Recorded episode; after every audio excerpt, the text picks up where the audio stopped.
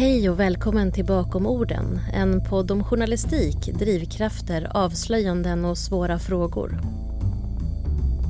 Jag heter Linnea Wannefors och i den här podden möter jag journalister, både kända och mindre kända, från olika delar av landet.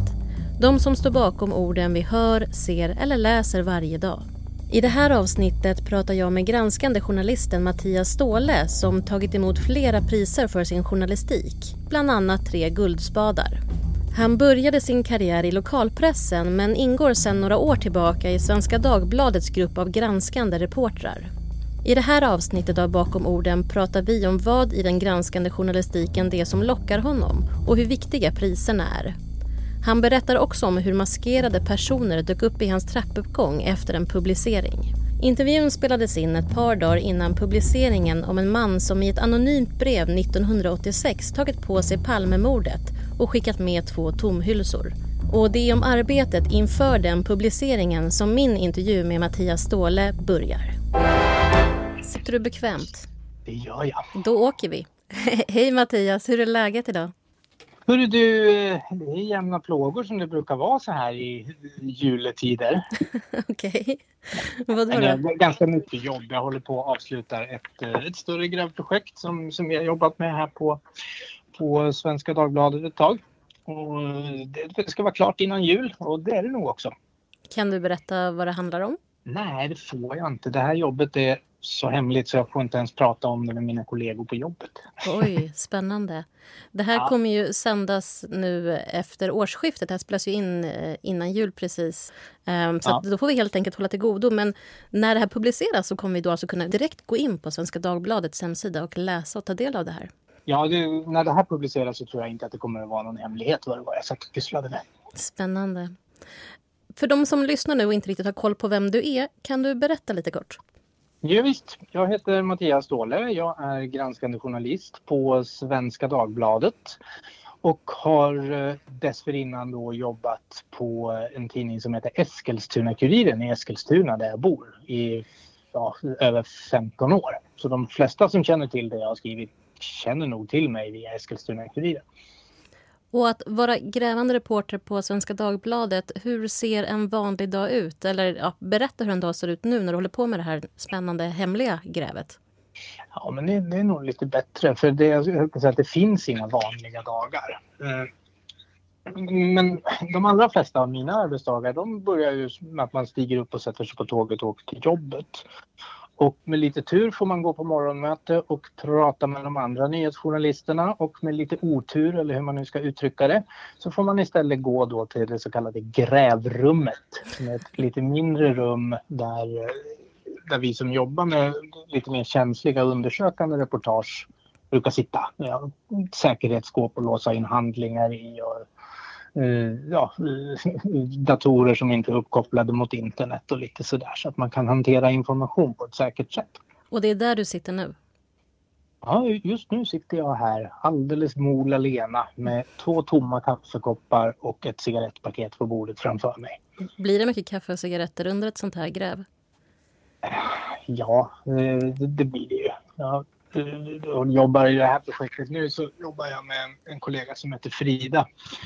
Och sa häromdagen att fan det där var min sista cigarett. Man kanske skulle ta och sluta. Han inte längre än så från, från fräst och sa att nej, du får fan inte sluta röka för att förklara är med det här. För du blir så grinig. och det, det stämmer ju. Jag blir ju det. Man kommer ganska nära dem man, man gräver med, eller hur? Ja, men det gör man. Det, det, ofta, jag menar, om man inte kände varandra förut när man börjar med ett grävprojekt så slutar det ju oftast med att man faktiskt blir vänner på riktigt vid sidan av jobbet. Mm, Så att det, det är ju kul. Man, ens liv går liksom blir ihopflätat vartefter, eller ju närmare publiceringsdagen man kommer.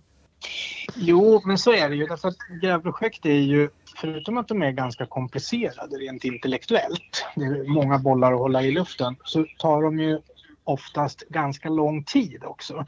Och ingen människa orkar ju eh, liksom gå på full energilåga hela tiden. Det är därför det är så bra att vara två eller tre som gräver i samma projekt. För då kan man ju växeldra lite grann som i ett bättre förhållande. Liksom. Att när den ena inte orkar, då drar den andra och sen eh, får man växla. På din Twitter står det att du har varit unders- undersökande journalist sedan 1999. Hur definierar du undersökande? Ja, jag tror att på min Twitter så står det att jag varit undersökande journalist sedan 1999 med blandade framgångar. Jag tänkte komma till Men... det faktiskt sen. Vi tar den här definitionen först. Nej, men definitionen det är ju att man inte nöjer sig med de här vanliga raka nyheterna eh, som man naturligtvis också måste ägna sig åt ibland.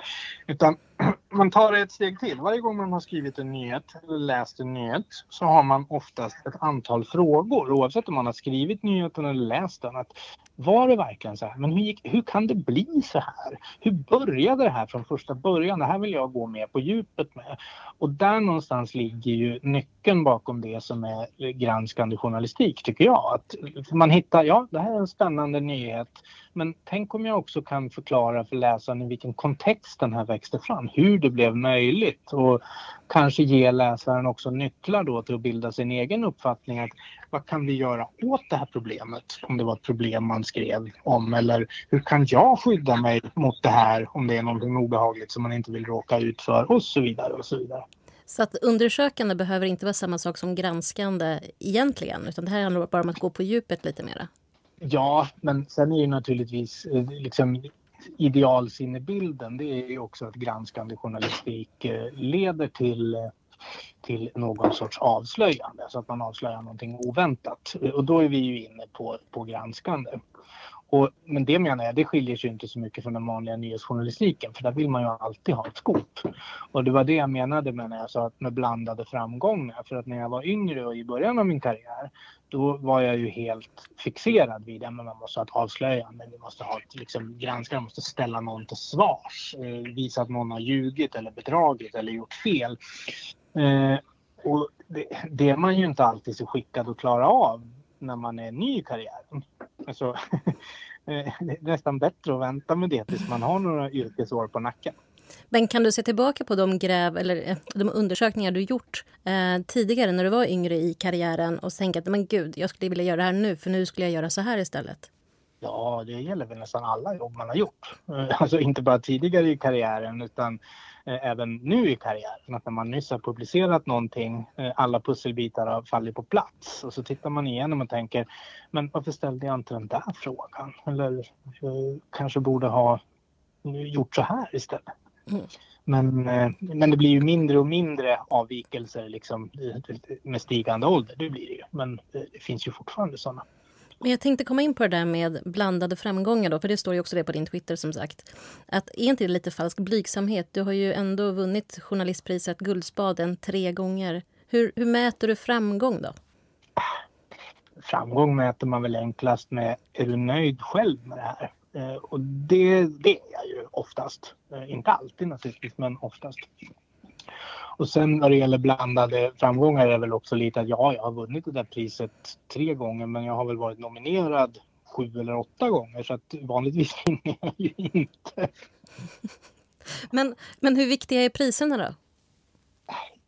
I början var de jätteviktiga för, för självkänslan och självförtroendet. Eh, jag tror jag vann ju min första Guldspade 2001 eller någonting sånt där, eller om det var 2002 tillsammans med eh, två kollegor på Eskilstuna-Kuriren som heter Eva Burman och Lena Mischan. Och eh, det är klart att det, liksom, det kändes ju som en fjäder i hatten och tuppkammen växte och allt sånt där. Men sen insåg man att liksom, det, det jätteviktiga med, med, att vinna priser om man säger så, det är ju inte det utan det är ju att det öppnar ju dörrar dels karriärmässigt inom företaget man jobbar på för arbetsgivarna brukar bli väldigt glada. Eh, det leder till att, jag brukar säga att det öppnar ett fönster på ett halvår eller ett år när man får lite större resurser och större möjligheter att fördjupa sig i det man vill. Eh, och en nominering kanske leder till att det där fönstret öppnas i tre, fyra månader, fem månader, ett halvår. Och en vinst så öppnas det där fönstret i ett år. Så det blir ju lite som en god cirkel. Att gör man ett bra jobb som blir så bra så att man kan tävla med det i en sån här journalisttävling och dessutom vinner, ja, men då får man ännu större förutsättningar att fortsätta jobba med den typen av journalistik under det kommande arbetsåret. Så att det rullar liksom på av sig självt. Tror du att du skulle ha svårare att få jobb eller uppdrag om du inte hade vunnit eller till exempel inte publicerade det här stora, eh, den här stora undersökningen du håller på med nu? Jag tror att merparten av alla så att säga, tips och sånt jag får in utifrån eh, som jag sen väljer att arbeta vidare med. De är ju från människor som har valt att kontakta mig för att de har läst och uppskattat någonting jag har gjort tidigare. Mm.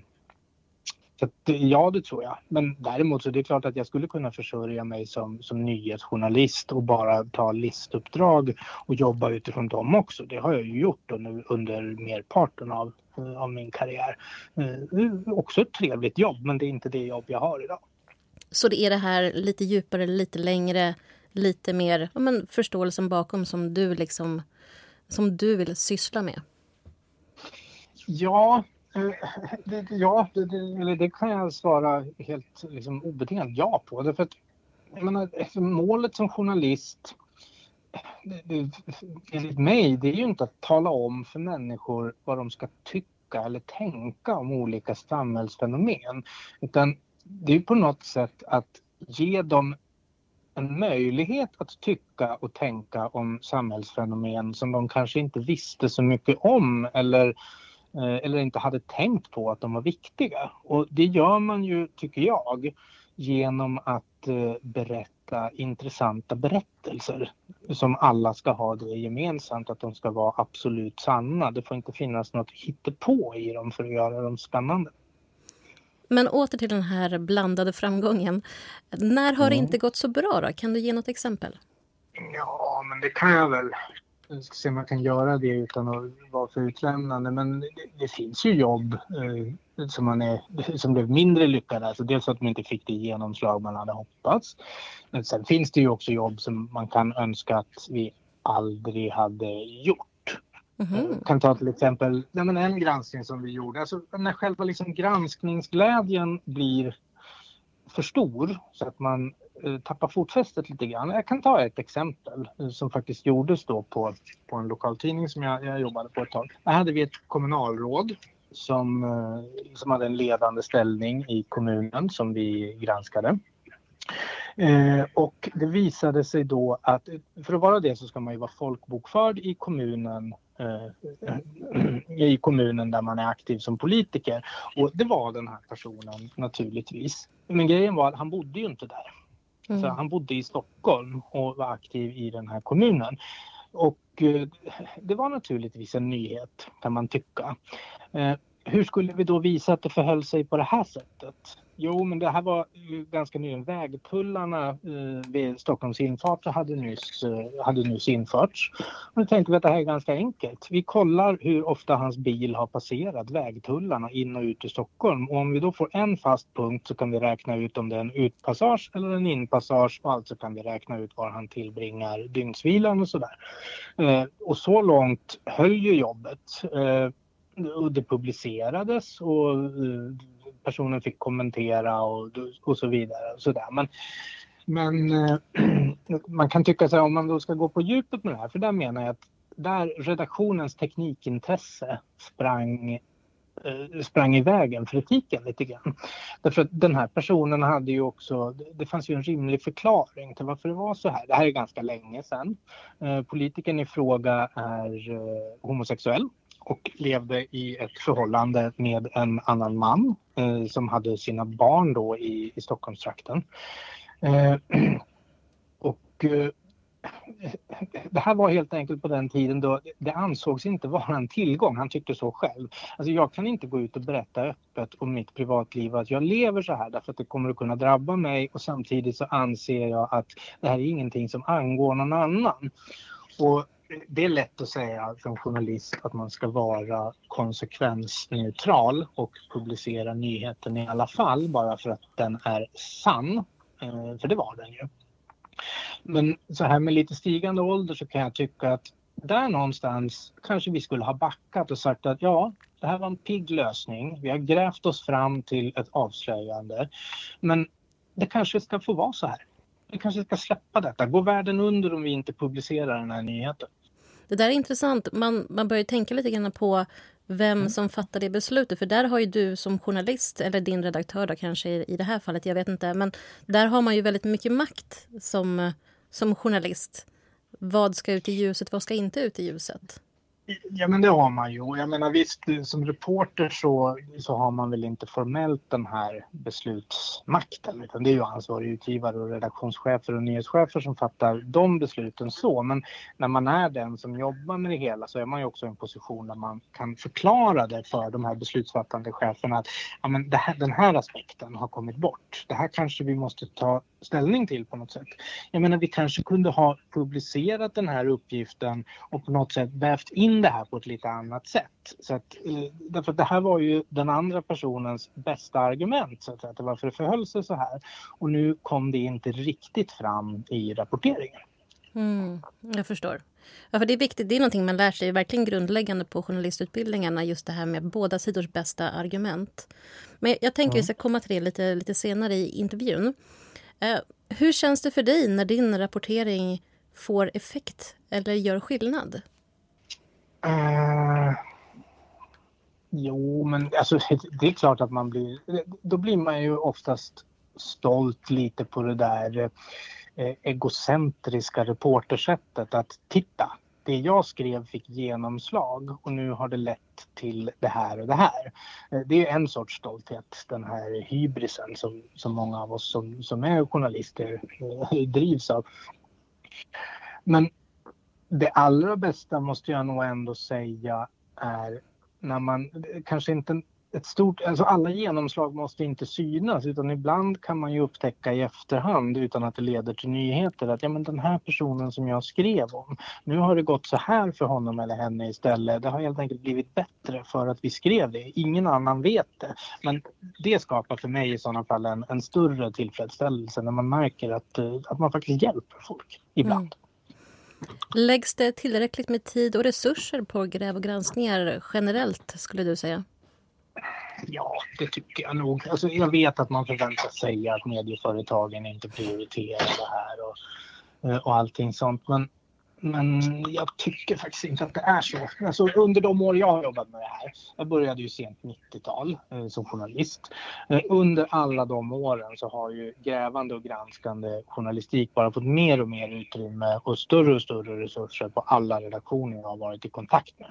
Mm. Sen kan man naturligtvis alltid göra lite mer och gå lite mer på djupet. Men... Ja, men det kan man väl alltid? Um, ja. I samband med ett av dina reportage, den här avhopparna för Eskilstuna-Kuriren som handlade om en spricka inom Vänsterpartiet i Sörmland och den som du också vann en Guldspade för 2008. I samband mm. med den publiceringen så gjorde du en intervju med föreningen Grävande journalister och berättade att... Gjorde Ja, ja, jag har läst. Jag har läst. Ja. Men då berättade du att faktainsamlingen var renodlad håltimmesjournalistik, som du kallade det. Hur skulle du beskriva det? Ja. Jo, men i just det här fallet var det enkelt. Därför att eh, vi, jag hade ganska nyligen, eller vi hade ganska nyligen fått vårt första barn och eh, jag var deltidspappaledig. Eh, och det, det, liksom, det, skapade ju ett utrymme där arbetsdagarna fylldes inte riktigt av listjobb från eh, nyhetscheferna utan ja, men Mattias, idag du jobbar ju bara halva dagen. Om du gör det här så är vi nöjda. Ja, eh, och relativt rutinerad nyhetsreporter som man var så insåg man att ja, men det där jobbet kan jag ju riva av på en och en halv timme. Då har jag ett par timmar kvar där jag kan ägna mig åt någonting annat. Och, och det var på de timmarna jag började nysta i det här nyhetstipset. Eh, och det var ju för att när nyhetstipset kom in så lät det lite för bra för att vara sant. Mm. Alltså man mm. tänkte att stämmer det här så är det ju en bra grej. Men hur fan ska jag kunna bevisa att det här stämmer? Och sen hittade jag ju då en metod, alltså hur man kunde samla in alla de här mejlen som, som, som skulle kunna bevisa det. Men det krävde ju att man satt i bil och åkte kors och tvärs då genom hela Mellansverige för att samla upp dem i pappersutskrift fysiskt från olika personer utan att skapa ringar på vattnet. Och det, liksom, ja, där någonstans kom ju behovet av håltimmesjournalistik in. För hade jag då gått till mina chefer och sagt jag behöver ett antal timmar för att göra det här. Det är osäkert om det kommer att leda till någonting men eh, jag vill göra detta. Då hade jag ju fått nej. Så jag, Eh, jag, gjorde det i alla fall. Ja men precis, för det är det jag tänker. Och, och framförallt då för mig och många med mig som kanske inte ens har en heltidstjänst utan hoppar runt på VIK eller inhoppsvikariat eller liknande. Där har man ju aldrig möjligheten till kontinuerlig arbetstid heller. Och ofta tas man in när ett behov finns på en redaktion vilket gör att den här håltimmesjournalistiken inte inte finns egentligen på samma sätt? Eller vad skulle du säga? Så är det säkert. Jag är nog ingen riktigt bra vattenmätare på det. För att när jag började jobba på 90-talet, då var det för det första så var det inte särskilt svårt att få ett journalistjobb. Eh, det räckte att man hade en utbildning och lite god vilja så fick man sitt första vikariat och vikariaten ledde ofta över i fasta anställningar. Eh, så att, eh, man får ju ta det jag säger med en nypa salt utifrån de förutsättningarna. För jag mm. menar sen 2002, 2003 någonstans så har ju jag suttit säkert i sadeln med fasta anställningar. Och när jag sen har gått till vikariat så har jag gjort det som tjänstledig från ett annat jobb. Så att jag har alltid haft liksom en, en bakväg om, eh, om det inte passar. Men finns det, finns det tid för håltimmesjournalistik i, i ditt liv idag?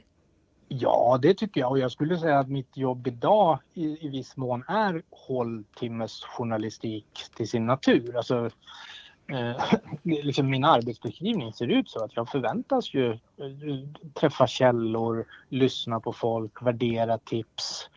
Eh, och det handlar ju om att Svenska Dagbladet är en mycket större organisation. På en lokaltidning är det ju ofta så att om man har lagt några timmar på att sätta sig in i tips och ta några bakgrundssamtal med olika experter så måste man också skriva en artikel för annars blir det en vit fläck i tidningen för att vi har lagt tid på det där. Och så är det ju inte på en större redaktion utan där finns det ju ett antal medarbetare som har den typen av tjänster och jag är då en av dem. Men hur pressande är det att veta att nu sitter jag på den här stolen och förväntas gräva eller hitta eller prata eller få fram någonting, få ut någonting och sen så kanske det ofta kanske till och med inte leder någonstans. Alltså, hur pressande är det att ha det över sig? Ja, jag är frestad att säga att det inte är särskilt pressande alls eftersom man nästan alltid har kollegor runt omkring sig som man kan bolla idéer med och som kan hjälpa en att liksom förädla, förädla tips eh, på ganska kort tid till att avgöra det här, ska vi skriva eller inte skriva. Men det är klart att i mörkare stunder så händer det ju sådär att man sitter och, nej men vad fan, jag har inte haft en byline på två månader, snart får jag sparken, jag måste vrida ur med någonting. Det, det, det händer ju naturligtvis, man är ju lite manodepressiv som, som grävare. Du är född och uppvuxen i Sala i Västmanland och det var också där din journalistkarriär började eller startade. Berätta, ta oss tillbaka, hur startade det? Ja, det, Mm. det startade med att jag gjorde praktik på Sala Allehanda som var lokaltidningen där. Jag gick journalistutbildningen i Uppsala. Eh, ganska mogen ålder ändå. Jag var väl 26-27 år någonstans. Eh, och så var det ett praktikmoment i den och då valde jag att ringa lokaltidningen och de tog in mig och så fick jag börja jobba där och rev av nyhetsartiklar i den takt jag kunde och den var väl ganska hög. Så att eh, när praktiken slutade så glömde jag bort det så jag jobbade liksom bara kvar. Och det var ingen på Sala Allehanda som sa någonting så att när det hade gått några veckor så ringde skolan och frågade att ska inte du komma tillbaks? Kursen har börjat igen. Oj. Och då fick jag ju naturligtvis göra det så jag gick in till min chef och sa du sorry jag hade bommat det här med slutdatumet på praktiken. Men eh, han var snäll och trevlig så att han konstaterade bara att du har jobbat bra så du får lön för den där perioden du har jobbat över av oss. Och så åker du tillbaks och avslutar kursen och så ser du till att få godkänt på alla moment och så kommer du hit och börjar jobba igen. Så att, wow. Eh, på den vägen var det. Så efter avslutad utbildning så blev jag sommarvikarie på tidningen och sen blev jag lokalredaktör i en, ett litet samhälle som heter Heby som ligger strax utanför Sala. Heby, Östervåla och Tärnsjö. Och sen gick jag därifrån tillbaks in till centralredaktionen och sen började Sala Allehanda göra ganska stora neddragningar. Eh, så då sa jag faktiskt upp mig och uh, sökte jobb på Eskilstuna-Kuriren istället. Det var ganska modigt när neddragningar börjar att då våga säga upp sig. Ja, men jag kände, menar, jag var ju ungkarl på den tiden. Jag hade ingen familj, jag hade inga barn, jag hade inte så mycket att förlora. Och jag tror att jag andligen i den åldern ville till Stockholm, alltså någon av de rikstäckande tidningarna. Så att Eskilstuna-Kuriren såg jag egentligen bara som ett litet stopp på vägen. Det måste ju vara någonstans så att jag kan söka ett vikariat i Stockholm och komma in där. Mm. Men jag fick så pass bra arbetsuppgifter i, i Stockholm så att eller så i Eskilstuna så att jag, jag trivdes där. Släppte de planerna liksom. Men om man... Och sen fick jag ett fast jobb där och blev kvar. Men hur kommer det sig, om vi backar lite till, att du liksom blev journalist, att du började plugga, att du gick den här kursen i Uppsala. Så Var det en självklarhet? Nej, självklart var det inte. Men jag har alltid varit intresserad av, av journalistik redan som tonåring. Alltså jag tyckte det var jättespännande. Eh, framförallt då dåtidens stora kolumnistgiganter. Jan Guillou till exempel var en sån här människa som man som tonåring, tonårig pojke från Sala såg upp till. Tyckte han var jättehäftig. Och så och eh, jag understryka, jag har absolut ingenting emot honom idag heller men jag har inte riktigt samma bild av, av vad det innebär att vara journalist längre. Mm. Men jag började ju plugga, alltså jag gick ut gymnasiet eh, väldigt tidigt 90-tal. Eh, jag hade finanskris. Det var stort omöjligt att få jobb eller försörjning. Eh, och jag kommer inte från en familj med några akademik akademiska traditioner så att vidareutbildning var nog egentligen, jag hade aldrig ens tänkt på det, men det fanns inga andra möjligheter än att börja på universitetet. Så jag kom in på en reservplats på historikum i, i Uppsala eh, och började mest därför att det var en tjej som jag var lite förtjust i gymnasiet som gick där. Jag ville komma lite närmare henne. Vi blev ihop sen så det, det funkade jättebra. Men sen när man hade pluggat där i några år då visade det sig att man fick förtur till en massa andra kurser på universitetet som hade samhällsvetenskaplig bakgrund. Så jag sökte därifrån till freds och konfliktforskning och sen läste jag sociologi. Och när jag hade suttit några år på Uppsala universitet så insåg jag att jag, vad fan ska jag bli då? Liksom, nu har jag en jävla massa poäng och jag har en jävla massa studieskulder men jag har inget yrke. Mm. Och då var det inte bättre än att i just den vevan så startade Uppsala universitet sin första journalistutbildning och den var förlagd på sociologen där jag pluggade just då. Så jag sökte till den och tänkte att fan jag kanske ska testa det där som jag drömde om när jag var tonåring. Jag kanske fixar det här. Och tada! Ja. ja. Men vad ville du bli för journalist från början då? Ja, men jag tror nog att jag ville bli kriminalreporter i, i första skedet. För det var den typen av journalistik jag själv tyckte var mest spännande eh, när jag växte upp. Och eh, det var liksom målbilden.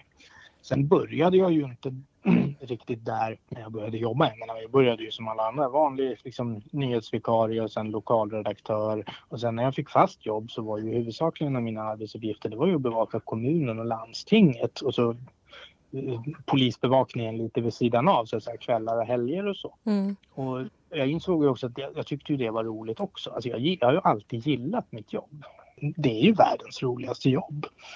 Man får inblick i saker man inte skulle få inblick i annars. Man får träffa folk, man får eh, intryck som, eh, som, man aldrig hade liksom kunnat drömma om att de existerade.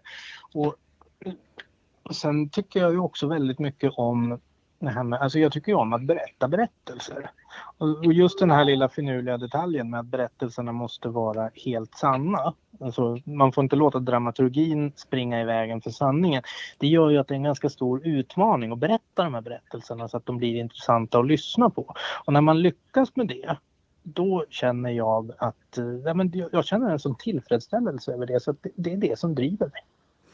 Efter att ha läst dina texter nu då, särskilt inför den här intervjun, både gamla och lite nyare, så har jag mm. slagits av hur du med ditt språk förenklar och beskriver komplicerade situationer. Hur tänker du där? För jag menar, gräv och granskningar innebär ju ibland många och komplicerande vändor. Jo, men det gör det ju. Men och jag är säkert inte helt eh, frisk från den sjukan själv men, men det finns en liten sjukdom i grävstrået som ibland leder till att eh, att själva grävavslöjandet mer handlar om titta vad duktiga vi grävreportrar har varit. Vi har gjort det här och det här och det här. Vi har uh, hittat det här och det här och det här dokumentet. Det visar det här och det här och det här och nu kan vi avslöja att och så får det där äta upp hela berättelsen så att det blir ingen berättelse kvar. Eh, och, och, varför gör man då så? Ja, men det handlar ju om fåfänga. Att man själv vill framstå som häftig och duktig och, eh, och intelligent. Och det skiter ju läsaren i. Alltså, mm. Läsaren är ju inte intresserad av vad gräv, vem grävjournalisten är. Läsaren vill ju bara ha berättelsen. Och om man istället då kan släppa fram berättelsen eh, liksom, och låta den ta överhand och så göra avkall lite på sin egen fåfänga så blir resultatet så mycket bättre, tycker jag. 2017 var du nominerad till Stora journalistpriset för Årets berättare. Hur viktig, eller viktigt är det skrivna ordet för dig? Mm, jo, men det, det, är viktigt och det, det, var jag väldigt stolt över. Eh, eh, alltså, men om vi tar så här, kan, man kan ju ta till exempel som jag sa tidigare, att men när jag började, vilka var det man såg upp till? men det var ju dåtidens stora kolumnister och kriminalreportrar och framförallt då Jan Guillou. Ja, men vad är det som utmärker de här människorna? Ja, men det är ju att de berättar berättelser.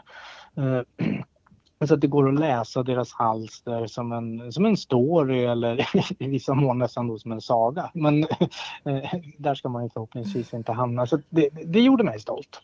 Mm. Vad vill du att folk ska tänka eller känna när de läser dina texter?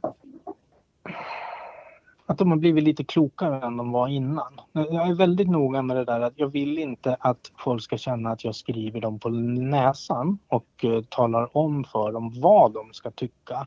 Utan jag vill snarare känna att, att de ska känna att fan, nu har jag en åsikt om ett ämne jag inte hade en åsikt om tidigare. Och jag har inte fått den åsikten av skribenten utan eh, skribenten har väckt intresset och gett mig ett faktaunderlag så att jag kan börja bilda mig egna åsikter. Mm. Då är jag nöjd. Mm. Apropå det här med texter och lite längre texter kanske. Fler och fler eh, mediehus eller redaktioner går ju från långa reportage mot det korta och klickvänliga idag. Hur ser du på det? Det skulle jag nog snarare säga att många mediehus gjorde det här för ett antal år sedan. Men mm. Eh, de senaste ja, tre, fyra, fem åren skulle jag snarare säga att, att utvecklingen har gått åt andra hållet. Alltså att uh, allt fler mediehus har insett att long reads är någonting som läsarna vill ha. De inte bara vill ha det, de vill också betala för det. Det gör att de läser tidningen mer, vilket gör att annonserna syns bättre, annonsörerna betalar mer pengar för att ligga på de plattformarna och så vidare. och Så vidare. Så det finns två utvecklingar här. Mm. Men du, vad inspireras du av själv? Mm. Vänta ett ögonblick Linnea. Absolut. Jag ska bara, kort paus. Mm. Jag förstår det. Jag, jag, måste fortsätta ta det här. Men kan ni börja mötas så hoppar jag in och så får ni briefa mig. Jag går till ett annat rum, Linnea. Absolut. Eh, för det är ett bokat möte här i, i grävrummet. Dels hade jag glömt bort det och dubbelbokat mig, men de behöver ju någonstans att sitta. Jag går och letar upp en samtalsbubbla. Ja, jag hänger kvar. Jag går här med, du är på högtalare, så, men jag har nog snart hittat ett mötesrum. Så ingenting opassande att säga nu alltså? Nej, men precis. Du får tänka vad du säger så du inte säger vad du tänker. Här är det tomt. Det tar vi tills jag åker ut nästa gång nu är jag i ett rum som heter Brasilien. Oh, det är bara att slå sig ner och relaxa lite då kanske? Ja, alltså jag har jobbat här i, i tre år och jag har fortfarande inte lärt mig hur fan man bokar ett mötesrum digitalt. Ja, men är inte det ganska typiskt journalister att man är bra på det här, vad man har alla anteckningar och liksom vad det är som gäller och man har liksom påläst på det man håller på med. Men sen så det här, ja men hur bokar man möte i den här digitala plattformen och hur gjorde man det här och så här. Äh. Ja, eller... Redovisa kvitton, äsch. Ja, eller som min, min hustru sa någon gång, bomma och betala en räkning. Så jag tror att det var någon parkeringsboten och sånt där. Så fräste hon argt åt mig och sa, jag förstår mig inte på dig. Du kan hålla järnkoll på hela kommuners och hela landstings ekonomi ner i minsta detalj. Men du kan inte hålla koll på vad du har för kvitton i din egen plånbok. Liksom. Mm. Skärp dig! Mm. Och det ligger ju någonting i det där. Att man, man gärna ser den stora helheten och så bommar man de egna små detaljerna. Ja, jag vet precis vad du menar. Men du, åter till dig då. Vad inspireras ja. du själv av? Eh, men jag inspireras av, av eh, ganska vardagliga saker. Eh, som till exempel om det har varit en stor och uppmärksammad händelse. Det kan vara ett, eh, det kan vara ett brott eller ett terrordåd i värsta fall eller det kan vara en politisk skandal där någon har gjort någonting fult och avslöjas och så massor av människor som är där och tycker och har åsikter eller eh, en klar vision att så här måste vi göra nu, så här ska vi gå vidare. Nästan alltid när man tar sig tid och, och, liksom, och börjar intervjua folk eh, i den för att se vad det är egentligen som har hänt eller vart vi nu är på väg, så dyker det upp människor som har en ganska vardaglig jordnära approach. Alltså väldigt ofta approachen att ja, ja, det som har hänt nu är allvarligt, men eh, det här är ingenting nytt under solen. Det här har vi varit med om förut. Så här brukar vi göra eh, och så här ska vi göra. Eh, och när man hittar de här människorna, om de då också har rätt så att säga, vilket de påfallande ofta har. Eh, de har den här förmågan att behålla lugnet även i jobbiga situationer. Sådana människor eh, tycker jag är djupt imponerande. Kanske främst för att jag själv nog inte riktigt är en sån människa men gärna skulle vilja vara det. Eh, och kan man då få en sån människa att liksom träda fram och berätta naket och öppet och ärligt eh, eh, om det som har hänt och berätta det som faktiskt har hänt. Inte nödvändigtvis det alla för tillfället vill höra. Det, då har man liksom embryot, nästan alltid embryot till en bra berättelse. Eh, jag skulle vilja hävda att min, min tidigare svenska kollega Åsa Erlandsson eh, som nu är på DN eh, och som för övrigt vann den där Årets berättare när jag var nominerad till Stora mm. Journalistpriset. Mm. Ja. Hon är ju mästare på det här. Eh, både i sina tidningsreportage eh, och eh, i, i bokform. Hon skrev ju till exempel, det var ju den hon vann med då, 2017, boken om vad som hände inne på den här skolan i Trollhättan mm. vid skolmassakern när den här pojken med, med svärd dök upp och började hugga folk och blev skjuten av polisen. Och det är också det är ett sånt där exempel på en sån berättelse där jättemånga människor såg det här och ville sätta in det i en kontext direkt. Den var stor politisk natur, det hade koppling till det här och det här och det här. Men vad gör hon istället? Hon säger okej, okay, fine, det kanske är så. Men nu vill jag ta reda på, vem var den här pojken på riktigt? Eh, vilka är hans föräldrar, vänner, vad har han haft för upp uppväxt? Hur, hur har det fungerat i skolan? Vad hände egentligen inne på skolan? Alla de här människorna som har ytligt beskrivits i tidningsreportagen och sa det här. Var det verkligen så? Gick det till så här? Eh, och hon gör det ju på ett föredömligt sätt. Alltså, det finns ju ett kapitel där, där hon det var en person som framställde, ett av dödsoffren där då, som, som framställdes som att han hade haft en hjälteroll och räddat en massa människor. Eh, det visade sig att det var ju inte på det sättet. Han hade ju bara blivit nerhuggen och dödad. Det, det var ju så här, det enda han hade gjort. Eh, och när hon berättade detta, till och med hans anhöriga, alltså som man då kan tycka kanske gärna ville se den här eh, hjälteglorian på dem. Så det är bra att vi, att vi nu har fått veta vad som faktiskt hände, för det här visste ju inte vi tidigare. Mm. Sånt inspirerar mig. Du har ju ägnat stor del av din karriär åt lokaljournalistik. Vad betyder mm. lokaljournalistiken för dig? Hur viktig är den? Jag ska säga att lokaljournalistiken i viss mån är ännu viktigare än den här rikstäckande nationella nyhetsjournalistiken. För eh, på nationellt plan så har man alltid alternativ att gå till. Jag menar, om inte Aftonbladet skriver om en grej så kan man ge sig fan på att Expressen gör det. Om inte DN har en grej så kan man ge sig fasen på att Svenskan har det till exempel. Men bor du på en liten ort idag, då har du ju oftast bara din lokaltidning. Eh, och om inte den har någonting, då får du inte veta att det har hänt. Ja, du kanske ser ett rykte på Facebook eller du kanske till och med får en korrekt beskrivning av någonting som har hänt på Facebook eller något annat socialt medium. Men du har ju ingen aning om huruvida det här är sant eller inte eller eh, om det finns fler nyanser eller andra nyanser eller vad är det för person som skriver? Det är ganska många som är anonyma i de här miljöerna. Eh, så på det sättet så, så är ju lokaljournalistik oerhört viktigt. Sen är ju inte lokaljournalistik alltid det roligaste att läsa. Så det, det, det kan ibland vara mördande tråkigt. Men eh, allting är inte mördande tråkigt. Det finns ju jävligt mycket bra i våra lokaltidningar också. Mm.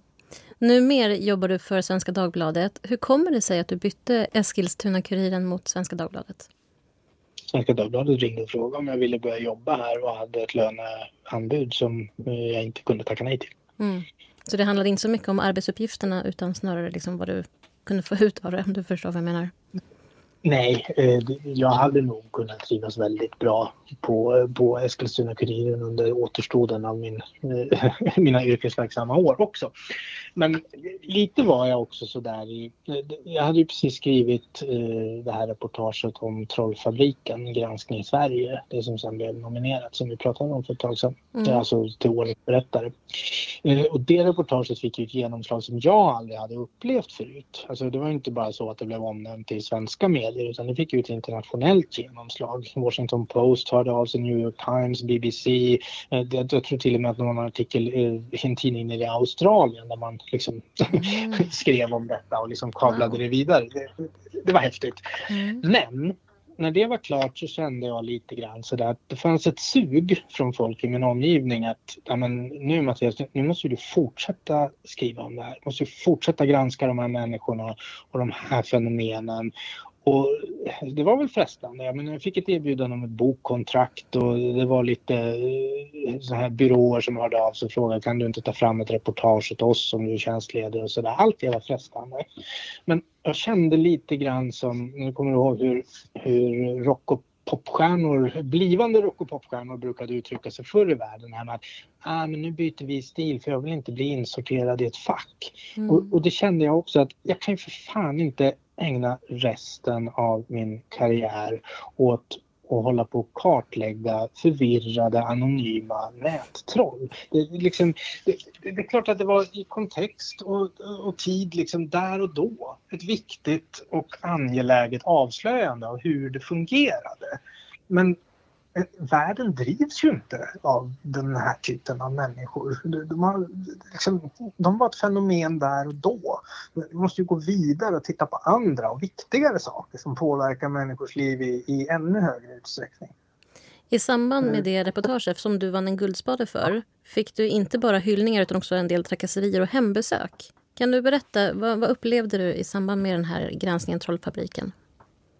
Ja, alltså trakasserierna var ju, de var ju lätt förutsägbara för det var ju telefontrakasserier, det var mejltrakasserier, man kontaktade anhöriga och vänner till mig eh, när man inte fick tag på mig. Eh, och vid åtminstone ett tillfälle så, så, dök det upp lite maskerade personer eh, i trappuppgången i, i, huset där vi bor. Eh, de gjorde ingenting annat än stod där och visade att de var i vårt hus. Och visste var du eh, fanns eh, någonstans? Liksom. Ja, men det var väl det. De ville markera att vi vet var du bor. Det hände ingenting värre än så, men det är klart att det är obehagligt. Men, det, eh, jag har ju familj och jag har barn och är naturligtvis rädd även för egen del. Så att, det, det, det, var lite omtumlande men det var heller inte, ska jag säga, det, det var ju heller inte helt oväntat. Jag, menar, jag har ju skrivit ganska mycket om både högerextremister, i viss mån vänsterextremister och eh, gängbrottslingar och liksom andra ja, skumma skurkar genom åren. Så att, att det här skulle hända, det kom inte, så, eller skulle kunna hända, det var ingen överraskning men det var ju ändå obehagligt när det inträffade. Men det avlöpte ju bra så att, Ja, så det var inte någon bidragande orsak till att jag inte ville fortsätta skriva om ämnet. Utan det var att jag kände att jag är färdig med det. Jag har ingenting emot att andra fortsätter att granska de här fenomenen men det är inte jag som ska göra det. Jag har gjort det jag kan. Liksom. Mm. Det rapporteras ju mer och mer om hat och hot mot journalister. Vad, vad tänker du om att journalister drabbas av det? Eh, ja, det är trist naturligtvis. Men ingen ska väl behöva bli hatad eller hotad. Men det har egentligen inte påverkat mig så mycket. Men en sak som jag kan tycka är lite sorglig eh, och det är att eh, om vi går tillbaka till när jag själv var tonåring och drömde om att bli journalist. Då fanns det ju en aspekt i det att att man såg att men de här människorna som skriver i tidningarna de är ju liksom respekterade. Folk uppskattar dem, berömmer dem. Det var i alla fall så jag såg det. Man fick säkert skäll som, som journalist på den tiden också men det såg ju aldrig jag som tidningsläsare. Och första åren som, som tidningsanställd och journalist, alltså ganska många år fram till 2010 eller strax därefter i alla fall, upplevde det var ju faktiskt så. Alltså de allra flesta människor som hörde av sig till en tidning med synpunkter, eh, de hade ju en respektfull ton, eh, även om de var kritiska och arga. Eh, någon enstaka galning fanns ju alltid som avvek, men de var inte särskilt många. Och jättemånga som hörde av sig hörde ju bara av sig med beröm. Mm. Berättade man till exempel i socialt sammanhang, jag jobba med nyhetsjournalistik, då blev folk intresserade och nyfikna. Någonstans efter 2010 så skiftar ju allt det här. Alltså, helt plötsligt så är, det, det skapas liksom en, en antipati mot massmedia eh, som framförallt då i sociala medier som, som tenderar att ta överhanden så tillvida att jag kände lite så här, ja, men jag har ingen lust att berätta för människor att jag jobbar som journalist. Jag tänker fortsätta jobba som journalist och vara det men det är liksom ingenting jag har lust att gå runt och skylta med. Så kände jag i ganska många år. Och det tyckte jag, det påverkade mig mer för det tyckte jag var sorgligt på, på djupet. Mm. Alla de här hoten och sådär som dräller in, det är klart att de är obehagliga. De, är, de är klart obra liksom. Men sen är det ju också så att om det ringer en människa till mig och säger hej, jag tänker slå dig i skallen då kan jag ju vara ganska säker på att den här personen inte tänker slå mig i skallen. För planerar man på riktigt att göra det, då ringer man inte och berättar det först, då gör man det bara. Liksom. Mm. Det, det, får man ju också ha, ha med sig liksom, i bagaget. Är det, det din överlevnadsstrategi? ja, kanske. Men för jag tänker, du har ju också ofta, eller alltid bott lite grann där, där du har grävt. Um, är det ett problem? För man kan ju också bli igenkänd och man kan också bli att man liksom, man är ju en del av samhället när man bor och jobbar på ett ställe och gräver? Ja, det, jag, jag har nog säkert framställt det här som ett problem i någon intervju, lite reportergnäll någon gång. Men ska jag vara riktigt ärlig så tycker jag nog egentligen bara att det är en fördel. Därför att alla journalister, den som säger att det inte är så här ljuger. Alla journalister som har jobbat med en bra story som de själva är nöjda med, de har någon gång varit frestade att förenkla och vinkla lite för mycket för att storyn ska bli bättre av det. Eh, och det här kommer man ju undan med om man jobbar på riksplanet till exempel eller eh, i ett medium där man aldrig träffar sina läsare. Men jobbar du i en liten stad och träffar de här politikerna och poliserna och tjuvarna och allt vanligt folk som du skriver om när du går och handlar på ICA eller lämnar på dagis eller eh, tar bussen till simhallen eller vad du nu gör. Då kan du inte hålla på så. För att du måste kunna se de här människorna i ögonen efteråt. Och inte bara måste kunna, du kommer ju att göra det. För du kommer att stöta på dem. Och det gör ju att man med lite större lätthet kan lägga sig på rätt nivå så att, så att det inte blir för hårdvinklat eller fel eller att man skarvar någonstans. Hur skulle du säga att branschen och rapporteringen förändrats under dina år som journalist? Den stora förändringen är ju att så mycket har blivit digitalt och finns på internet och att pappret har försvunnit. Eh, eller försvunnit har det ju inte, det finns ju kvar men det är ju ganska betydelselöst som informationsspridare i jämförelse. Eh, det i sin tur har ju gjort att eh, mediehusens ekonomi har ju försämrats. Man får bli lite så här marxistisk så har ju inte mediehusen full kontroll över produktionsmedlen längre utan vem som helst kan ju publicera en nyhet idag. Eh, och det enda sättet som våra mediehus hittills, fram tills för något år sedan i alla fall, har hittat att möta det där, det har ju varit att förenkla sin egen rapportering så att den blir billigare så att den kan hänga med i svängarna. Det blir den ju bara sämre av. Nu upplever jag dock de senaste åren som har gått att väldigt många mediehus faktiskt på allvar har förstått att det som är våran selling point, det är ju inte att vi är snabbast med att kabla ut ett rykte och påpeka att det inte är säkerställt att det här stämmer, utan våran selling point är ju att vi tog oss tid att ta reda på hur det faktiskt förhöll sig innan vi rapporterade om det första gången. Ja, för där är trovärdigheten, den väger liksom tyngre. Man behöver inte vara snabbast, bara man har rätt liksom, om du förstår vad jag menar. Ja, om vi då pratar förändringar, därför att trovärdigheten har ju alltid varit viktig för mediehus. Men om man går 10, 15, 20 år tillbaks i tiden, då var det här underförstått och ingenting man behövde prata om eller ens tänka på. De senaste åren har det ju blivit en selling point som man faktiskt kan prata om och, och framhäva och, och det görs ju också inne på redaktionerna. Och liksom, det, det är bra tycker jag. Varför tror du att det har blivit den här skillnaden då? Jag tror att det, liksom, det, är en nödvändighet. Alltså, om, om syftet med nyhetsförmedling bara vore att snabbt kabla ut obekräftade uppgifter, ja, men då skulle vi inte behöva några mediehus alls idag.